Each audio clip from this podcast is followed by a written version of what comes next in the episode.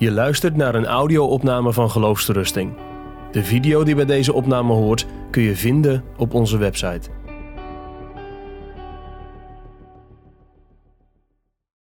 Dat thema ben ik welkom bij God. Heerlijk uh, thema om uh, over te mogen spreken. Het is ook een vraag wat eigenlijk mijn hele leven al met me meegaat. Uh, misschien niet toen ik heel erg klein was, maar op een gegeven moment als je beetje de tegenwoordigheid van geest hebt, over het leven nadenkt, over geloven nadenkt, over God nadenkt, over de Bijbel nadenkt, dan is die vraag eigenlijk van jongs af aan wel met me meegegaan.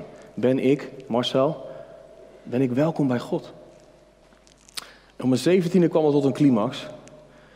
Totale wanhoop, misschien depressief, ik weet het niet. Moet je niet te gauw in de woorden in de mond nemen. Maar op een dieptepunt zat ik zeker. En toen ik 18 was, kwam er echt volle bevrijding. En ik kon antwoord geven op die vraag of ik welkom was bij God. Sindsdien is die vraag niet weg. Die vraag komt zo nu en dan nog eens terug. Bij mij. En hij komt geregeld terug bij alle jonge mensen en ook oudere mensen die ik om me heen in mijn leven tegenkom. En waar ik geregeld bij merk dat ze diezelfde vraag hebben. Of het soms aan mij vragen. Marcel, wat is jouw idee? Ben ik welkom bij God? Um, wat ook wel zo zou kunnen zijn, is dat je vanavond hier naartoe bent gegaan, omdat je gewoon eigenlijk iedere avond naar jij daar komt. Uh, maar dat thema, ja, is quite obvious. Ben ik welkom bij God? Dat, dat, je kunt nu al uittekenen wat de rest van de boodschap gaat zijn. Dat is dan deel. Zowel in de samenleving in Nederland, in het Westen, als binnen de kerk zijn we echt super positief.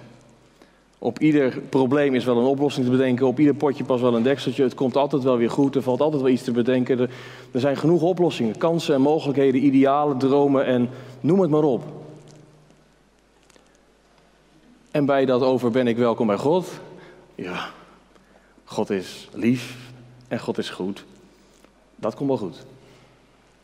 Ik, ik, ik ben bang dat we momenteel in de kerk in Nederland steeds verder afglijden naar een godsbeeld wat de waanzin ten top is. Ik maak me daar serieus zorgen om.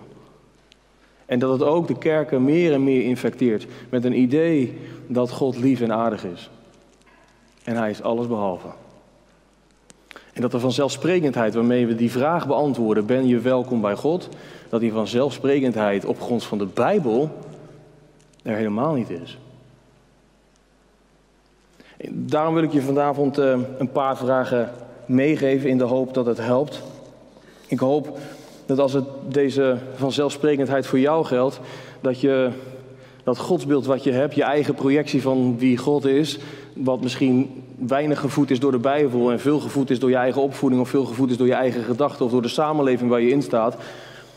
Ik, ik hoop dat je bereid bent om dat godsbeeld eens onder de loep te nemen.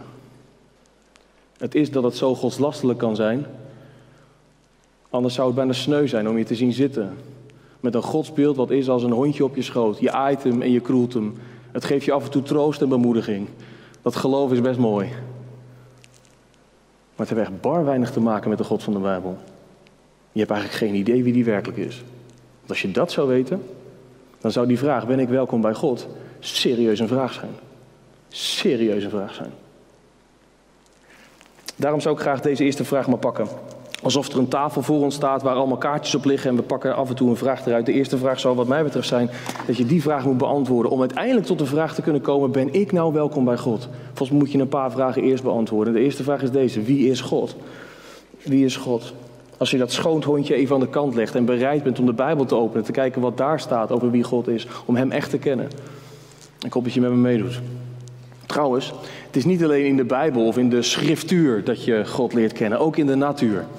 Ik weet niet of je er enorme natuurfan bent en er vaak en veel op uitgaat en geniet van vergezichten. Graag op vakantie gaat, mooie reizen maakt met je familie of met vrienden. Geen idee of je een avonturier bent of niet. Maar de kansen en de mogelijkheden om de natuur te zien, ook digitaal, in 4K of in 8K kwaliteit, met drones en met onderwatercamera's, zijn legio.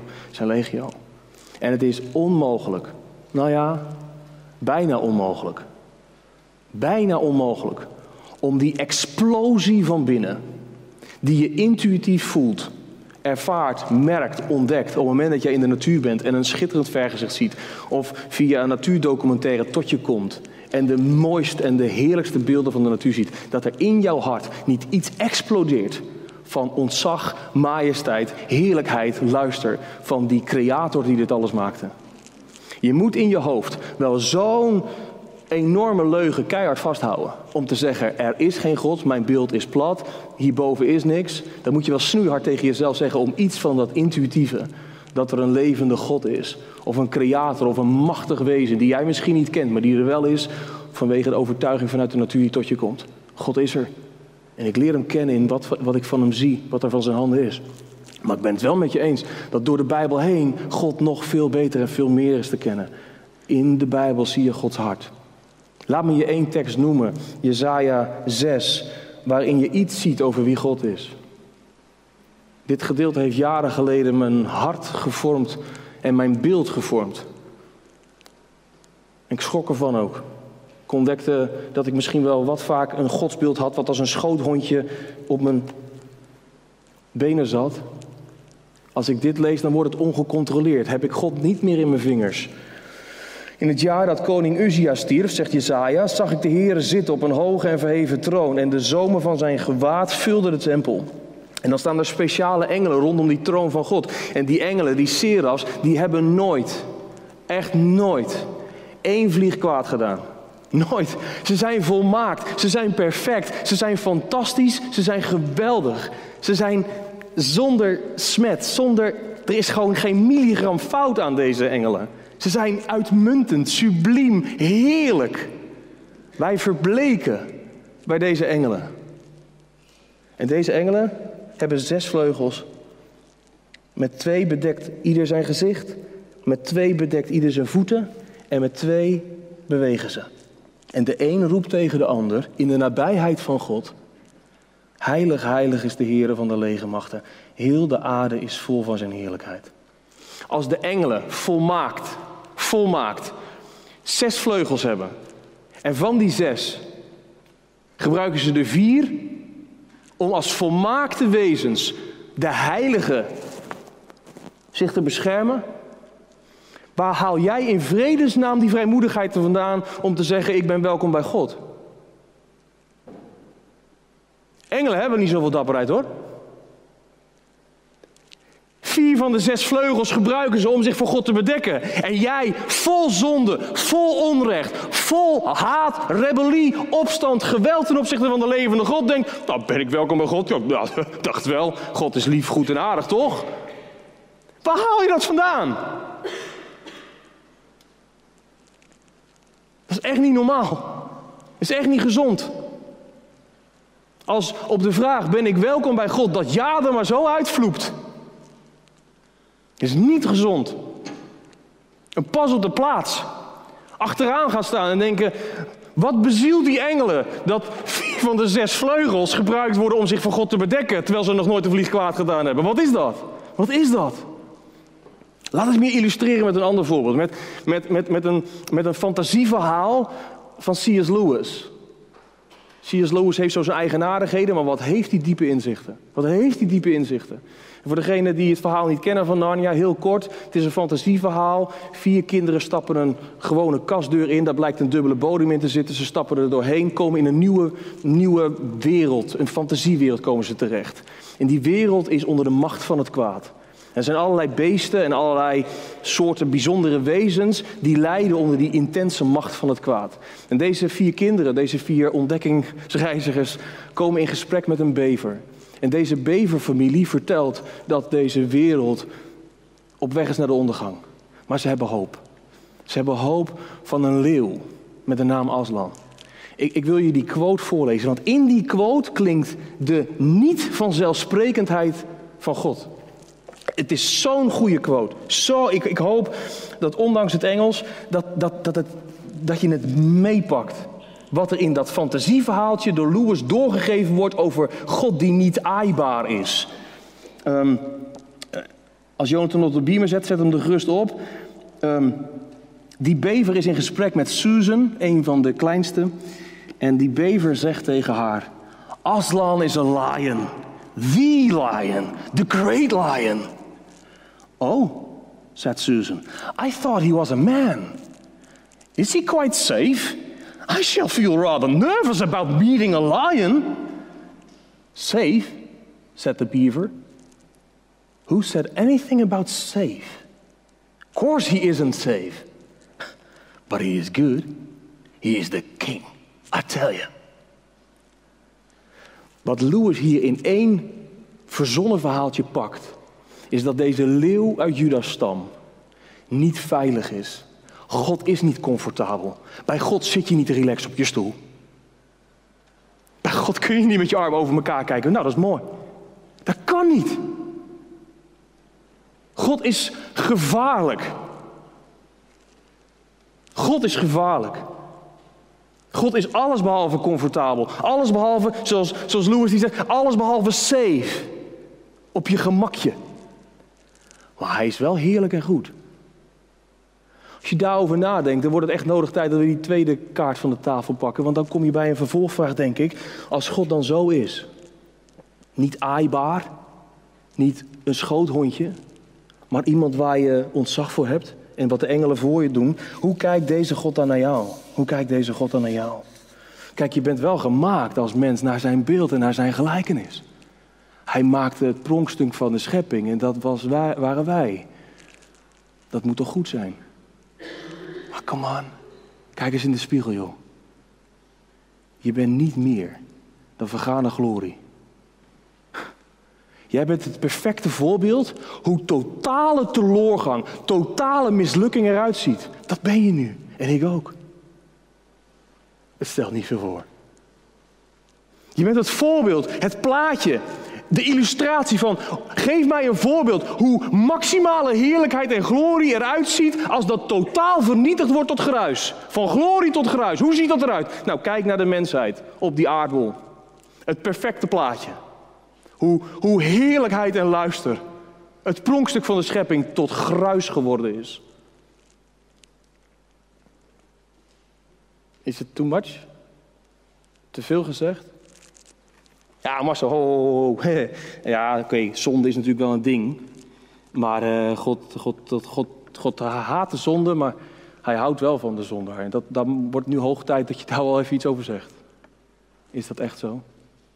Houdt God van zondaren? Ik ben bang dat je de helft van de Bijbel niet gelezen hebt dan. Laat me je één voorbeeld geven, Psalm 5.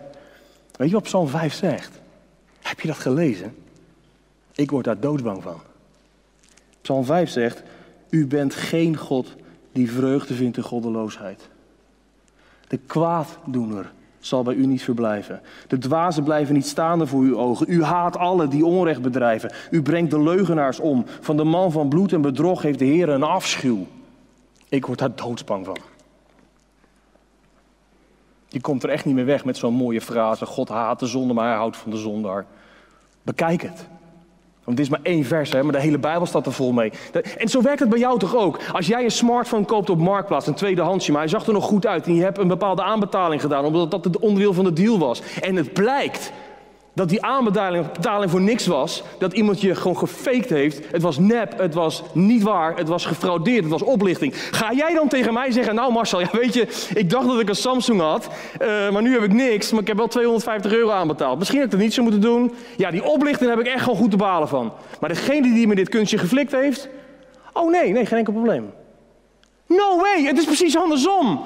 Die oplichting is erg. En je baalt van die 250 euro. Maar degene die dit geflikt heeft, degene die jou dat heeft aangedaan, hoe kun je zo mispunt zijn? Hoe kun je zo corrupt van je hart zijn dat je iemand 250 euro afneemt? Daar ligt je probleem. Die oplichting is erg. Maar de oplichter, daar ga jij niet mee een bakje koffie drinken zonder dat het gezetteld is. Denk jij dat dat dan bij God anders is? Dat jij de ene onrecht en de ene zonde naar de andere kunt doen, maar dat God zegt, nou die zonde van jou, dat is inderdaad wel een probleempje. Maar, maar, maar, maar jou vind ik wel heel erg leuk. Denk je dat dat dan zo werkt? Zie jij dat ergens in de Bijbel terugkomen? Ik niet. Ja, ja oh, uh... is dat echt zo? Weet je wat denk ik onderdeel van het probleem is? Het probleem uh, wordt al heel gauw opgelost als wij zonde in ons eigen leven, ik in mijn leven, als ik zonde niet de hele tijd lostrek van wie Marcel is. Want dan wordt het vrij simpel. Nee, Zonde kun je niet los zien. Kijk, dan is zonde het probleem daar. En dan kijk je daar en zeg je, ja, dat is niet goed. Nee, daar moeten, we, daar moeten we wat mee. Nee, zonde zit helemaal in jouw gebakken, man. Zonde zit tot op het bot in het diepst van je vezels verzonken. Je bent verzonken en verzopen in de zonde. Zo diep is dat probleem. En ik weet dat dit een beetje een, een, een, pittig drankje te drinken is, maar, maar je, drink hem door. Hou, hou even vol. Dit moet je echt. Face reality. Het is niet mooier. Het is zo heftig. En ik realiseer me dat dat heftig is. Ik vind het ook niet leuk. Maar het gaat vanavond toch niet om leuk? Het gaat om wat is waar. Wie is God en wie ben ik en hoe kijkt hij dan naar mij? Ja, maar oh, Johannes 3, vers 16. Corné zei dat er net toch? Dat is toch ook een, een, goede tekst? Ja. Heb je het hele hoofdstuk ook gelezen? Weet je waar dat hoofdstuk mee eindigt? Heb, je het laatste hoofdstuk, het laatste vers ook gelezen? Het laatste vers van dat hoofdstuk wat je zo mooi vindt. En dat ene vers wat je wel uit je hoofd kent. Waarschijnlijk je vers 36 niet uit je hoofd. Dat degene die de zoon ongehoorzaam is. Het leven niet heeft, maar de toorn van God blijft op hem. Waarom zijn we er wel zo goed in om Johannes 3 vers 16 uit ons hoofd te citeren. Maar kennen we Johannes 3 vers 36 niet? Dat is wel, dat is wel het probleem, hè vrienden. Dat de toorn van God vanwege mijn en jouw ongerechtigheid op ons rust. Het zwaard van Damocles. Het is niet de vraag of het valt, maar wanneer. Alsof je over een koord heen loopt boven een brandende vuurzee. En de vraag is wanneer breekt dit koord? Niet of het breekt, want jij gaat never en nooit het einde halen. Je wordt er katswanhopig van als je hierover nadenkt. Maar je moet dit wel echt zien. Je moet dit wel echt zien. Het gaat je eeuwig behoud zijn als je dit ziet. Hier begint het mee. Wie is God en, en wie ben ik?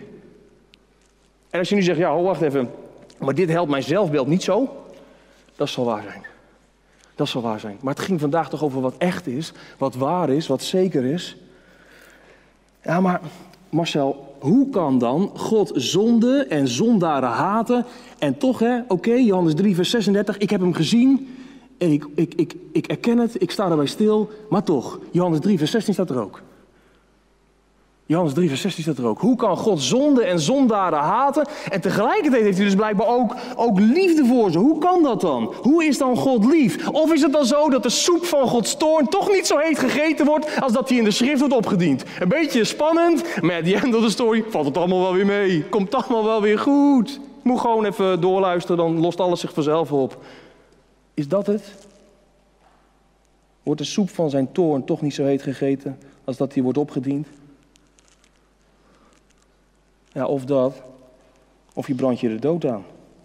Volgens mij is dit wel de kernvraag van de hele Bijbel. Dit, waar we het nu over hebben. Dit is de kernvraag van de Bijbel. En uh, weet je wat het antwoord is? Weet je wat het antwoord op de vraag is? Hoe kan God vanwege zijn rechtvaardigheid en heiligheid volle haat, terechte. Hè? God is niet buitensporig. Nee, volledige, gepaste, correcte haat hebben ten opzichte van zonde en iedere zondaar. Hoe kan dat? En dat hij tegelijkertijd, want dat lezen we toch ook in de Bijbel, dat God liefde heeft voor zondaren. Hoe werkt dat dan? Hoe werkt dat dan? De Bijbel geeft een antwoord. En dat antwoord is het kruis. En dat is vraag 3. Wat betekent het kruis en de opstanding van Christus? En in het Oude Testament wordt er al heen gewezen. In Jezaja 53 zie je dat. Dat die man van smarten, de leidende knecht, de Messias, de Christus. Dat die wordt veracht, geplaagd, geslagen, verdrukt, verwond, verbrijzeld, gestreamd, gestraft, gedood. In het Oude Testament wordt al geportretteerd, die, die toorn van God, daar valt niet mee te sollen, vrienden. Die is death serious. Maar er is wel hoop. Er is wel hoop. Dat M-woord, Messias, dat is je enige hoop en je enige uitkomst om hieruit weg te komen. En daarom, daarom ben ik zo blij dat je twee paar ogen, of uh, één paar, maar, maar twee ogen hebt. Ik ben zo blij dat je twee ogen hebt. Ik hoop dat je ze geestelijk ook hebt. Dat je in je hart ook, een beetje beeldspraak, maar dat je in je hart ook twee ogen hebt. Je hebt echt, om, om het geheim van het evangelie en de realiteit, de werkelijkheid waar jij met je beide beentjes middenin staat, met je hele hebben en houden. Je hebt echt twee ogen nodig. Ook twee ogen van je hart. Met het ene oog kijk je naar het kruis en met je andere oog ook. En wat, wat zie je dan? Je ziet met het ene oog dat God de zonde bloedserieus neemt. Bloedserieus neemt. Letterlijk. Je gaat de dood aan.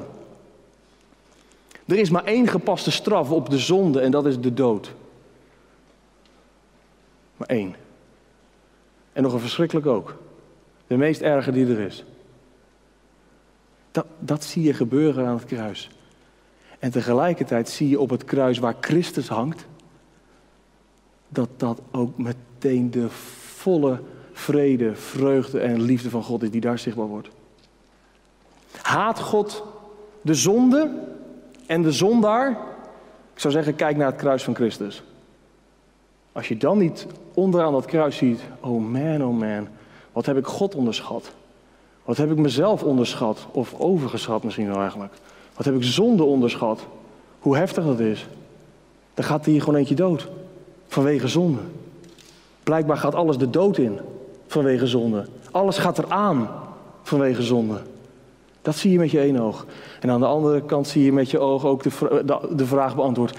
Heeft God lief? Ja. God heeft je zo lief dat hij de toorn die hij rechtvaardig losbrandt op iedere zonde, omdat hij geen onrecht zien kan en daar een punt achter gaat zetten. Hij is degene die zelf die toorn dragen wil.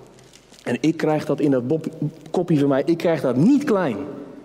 Kijk, als je een heel oppervlakkig idee hebt van het evangelie, een oppervlakkig idee hebt van wie God is, dan zeg je van nou, ik snap niet dat God me haat.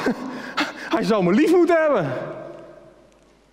Maar als je echt ziet wie God is, als je echt ziet wie jij bent, dan snap je, dan snap je heel goed dat God je haat. Dat is super terecht. Dat is super logisch. Hoe kan de heilige, de rechtvaardige, iets met jou van doen hebben die voortdurend in alle millimeters van je leven uiteindelijk op jezelf gericht bent en zijn eer afpakt. Je berooft hem van alles wie God is. Je, je staat hem naar de kroon en naar de troon. Het is zo terecht dat deze machtige en heilige je daarvoor terugpakt. En daarvoor zegt, joh, een rechtvaardige straf moet volgen. Maar dat deze rechtvaardige en heilige zegt, ik bied je mijn vriendschap aan. Ik heb je lief. Dat, dat, ik, snap, ik snap dat niet. Ik snap het echt niet. Waarom doet God dat? Waarom doet God dat?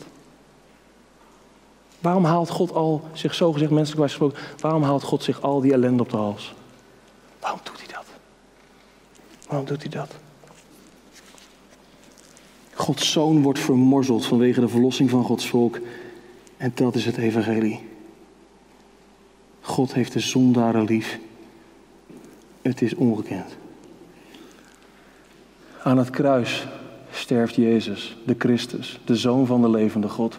En in zijn dood biedt hij een reddingsboot aan, biedt hij een lifesaver train aan. Hij, hij, hij biedt daarin uitkomst aan. Voor wie? Als je dit hoort en je laat een beetje, en ik hoop dat de geest van God je daarin zegent, een beetje op je inwerken wie God is en wie jij bent en hoe groot je probleem is. Dat je tot op de dag van vandaag, als je hier zit zonder uh, Jezus Christus te kennen, als je tot de dag van vandaag hier zit, hoe groot jouw probleem is.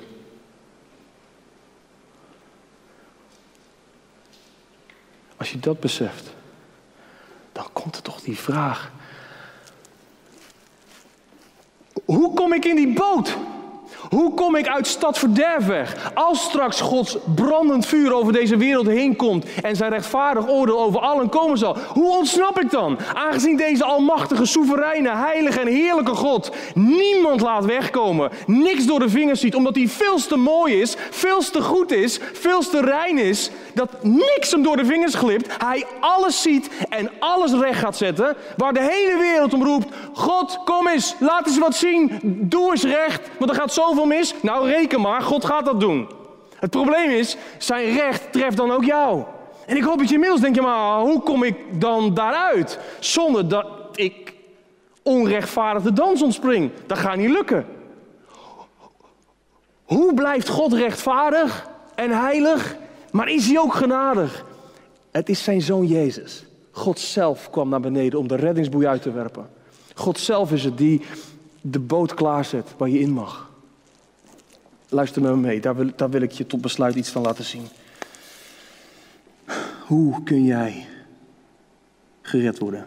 Jezaja 43. Je, de Heere God zegt daar, u hebt voor mij met geld geen kalmoes gekocht en met het vet van uw slachtoffers hebt u mij niet verzadigd. Integendeel, u bent mij tot last geweest met uw zonde. U hebt mij vermoeid met uw ongerechtigheden. Ja, dat klinkt een beetje zoals het de hele tijd al gaat, hè? Maar dit is zo mooi. Dit is zo mooi. Ik, ik ben het die uw overtredingen uitdelgt omwille van mezelf. Heere God, zegt u dat nou echt? Zegt u nu echt dat datgene wat mijn eeuwige ondergang is, dat u dat van me weg gaat halen? Dat u dat niet meer aan mij straft, omdat, dat aan, omdat het opgelost is? Dat het mijn grootste probleem, mijn eeuwige ondergang, dat dat niet meer mijn probleem is? Zegt u dat nou echt? Ja, ik doe dat omwille van mijzelf. Het is tot eer van mezelf dat ik dat doe. Aan je zonde denk ik niet. En begrijp me goed, God heeft niet plotseling geheugenverlies. Hij is niet opeens dat hij dementie heeft of zo, dat hij het niet meer weet. God weet alles precies, maar hij rekent het jou niet langer toe. Oh, wow. Waar komt die redding vandaan? Hoe kan dat kruis van Christus zoveel teweeg brengen? Jezaja 55, Heere God, mag ik echt komen? Mag ik echt komen naar u? O, alle dorstigen, kom tot de wateren.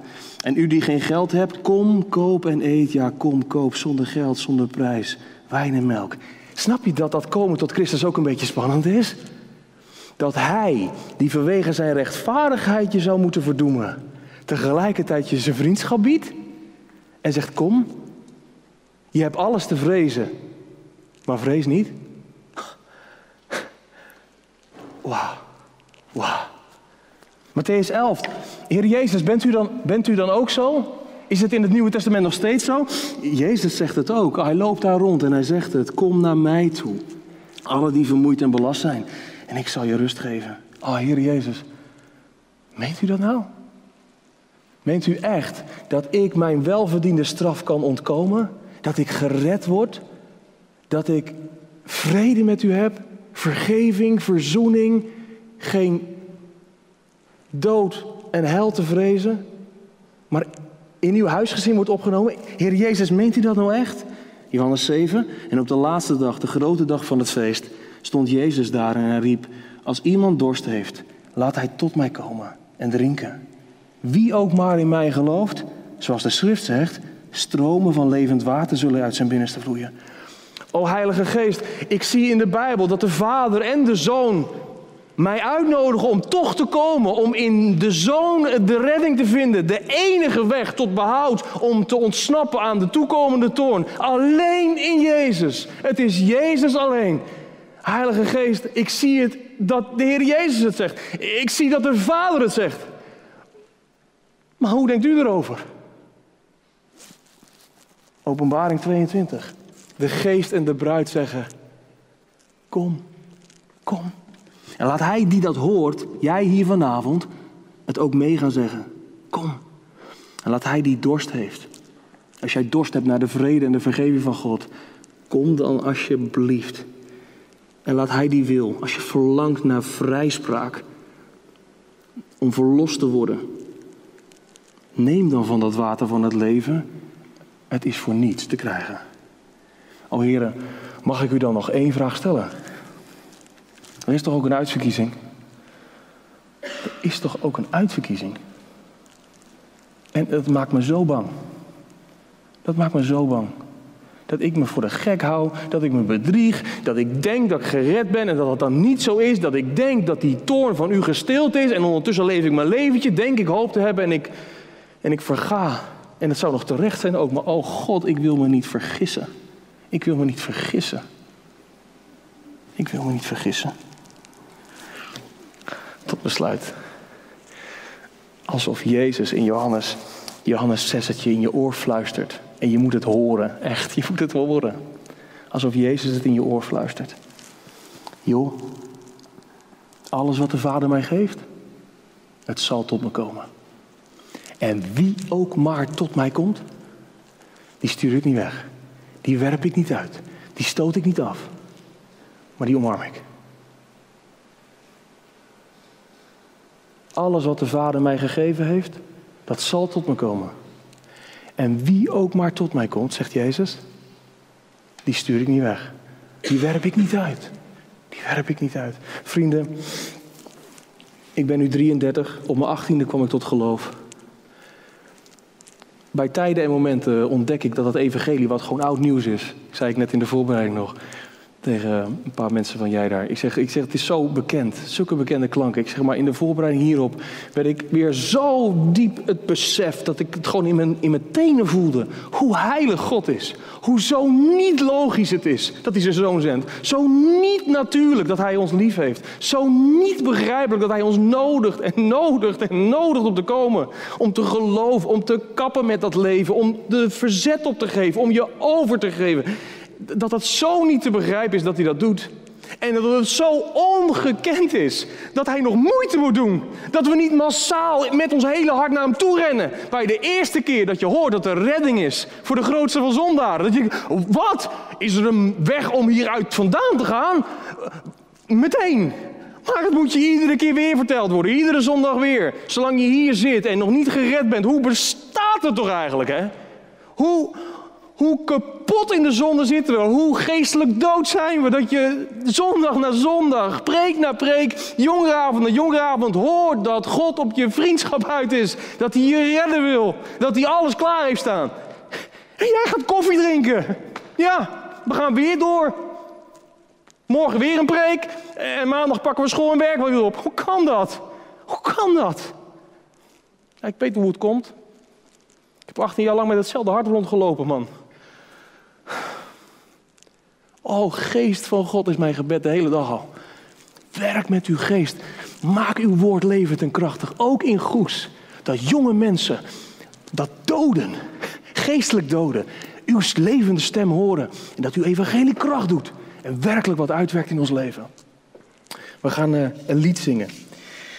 En uh, een lied wat, wat datzelfde zingt. Het is een nieuw lied. Um, in het Engels heet het His Mercy is More. In het Nederlands is het vertaald naar genade is meer. En, laat me, terwijl het muziekteam klaar staat, laat me, je, laat me je de geschiedenis van dit lied vertellen. Want het zingt de verwondering uit. En daarom, daarom zing ik zo graag een nieuw lied met jullie nu. Dit lied zingt zo eenvoudig, zo simpel bijna, de verwondering uit dat er redding is bij de Heer Jezus.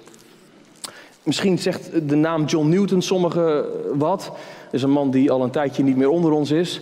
Hij is een uh, predikant geweest, heeft ook mooie liederen geschreven. En hij is in zijn tijd, ik meen in de 18e eeuw, in gesprek met een vrouw die de vraag ook stelt. Iets anders, maar het komt daarop neer. Ben ik welkom bij God? Ze had wel heel veel van de genade van de Heere God gehoord. En aanvankelijk had ze het ook geloofd en omarmd. Maar gaandeweg ontdekte ze, ik bak er zo niks van. Ik blijf maar toorn op toorn op toorn in mijn leven oproepen bij God. En ondertussen zeg ik dat ik het van Jezus moet hebben. Dat kan ik toch niet volhouden? Aan de ene kant maar doorgaan in zonde. Het lukt me maar niet om ermee te kappen. Iedere keer komt er wel weer iets anders in me naar boven en in mijn leven zichtbaar. En aan de andere kant zing ik alle liedjes van de Heer Jezus mee. Uh, het klopt niet. En ze schrijft John Newton een brief. En John Newton schrijft haar een brief terug. Die hele brief kun je op de website van Geloofstussing wel vinden. Ik, heb, ik, ga niet de hele brief voorlezen, maar een paar fragmenten om, om, om het een beetje te, te proeven. Hoe mooi. John Newton schrijft: Laat alles wat je voelt je niet ontmoedigen. Want als onze arts almachtig is, dan mag onze ziekte, onze dodelijke ziekte, ons niet tot wanhoop drijven. Hij is tenslotte de arts. En als hij belooft dat hij niemand uitwerpt die naar hem toe komt, waarom ben jij dan zo angstig? Waarom ben jij dan zo angstig? En, en, en dit, is, dit is het refrein wat we zo gaan zingen in het lied. Onze zonden zijn veel, zegt John Newton. Onze zonden zijn veel. Maar, maar het loflied van het evangelie is, zijn genade is meer. Zijn genade is meer. Onze zonden zijn groot, schrijft hij, maar zijn gerechtigheid is groter. Wij zijn zwak, maar hij is machtig. Hoe meer je hem kent, schrijft hij even later in de brief aan haar. Hoe meer je hem kent, hoe meer je hem gaat vertrouwen. Hoe meer je hem vertrouwt, hoe meer je hem lief hebt. En hoe meer je hem lief hebt, hoe meer je hem gaat dienen. Zo werkt het evangelie. Daarom besluit hij zijn brief met deze woorden. Wees nederig, waakzaam, ijverig in de middelen van genade en probeer door alle dingen heen te kijken. En, Wat, wat, wat mooi als je ook, nu vandaag de dag een predikant hebt in je gemeente die zondags en tijdens catechisatie of op andere momenten dat je ontmoet. Als je voorgangers hebt in de gemeente, dan zit je echt goed hoor. Als je voorgangers hebt die dit zeggen. Richt je ogen op Jezus, dan zal alles goed komen. Als je toch mensen hebt die, die met jou zondaar zijn, maar die je naar de Heer Jezus de hele zitten te wijzen, dat is toch heerlijk? En je bemoedigen, als jij je ogen richt op Jezus en het van Hem verwacht, komt het 100% zeker goed. Echt waar. En daarom sluit hij met deze zin af. Ik draag je op aan de zorg van de goede herder. En ik blijf dat doen. Waarom? Omwille van zijn naam. Ik groet je, John Newton. En Matt Papa en Matt Boswell hebben vorig jaar in Amerika, naar aanleiding van die brieven die ze lazen, een nieuw lied geschreven. Omdat ze zo geraakt werden door die frase: Onze zonden zijn veel, maar zijn genade is meer. Ik zou zeggen, kom staan en zing dat biddend uh, mee. Zeker als je het lied op een gegeven moment wat vaker hoort, zing het mee.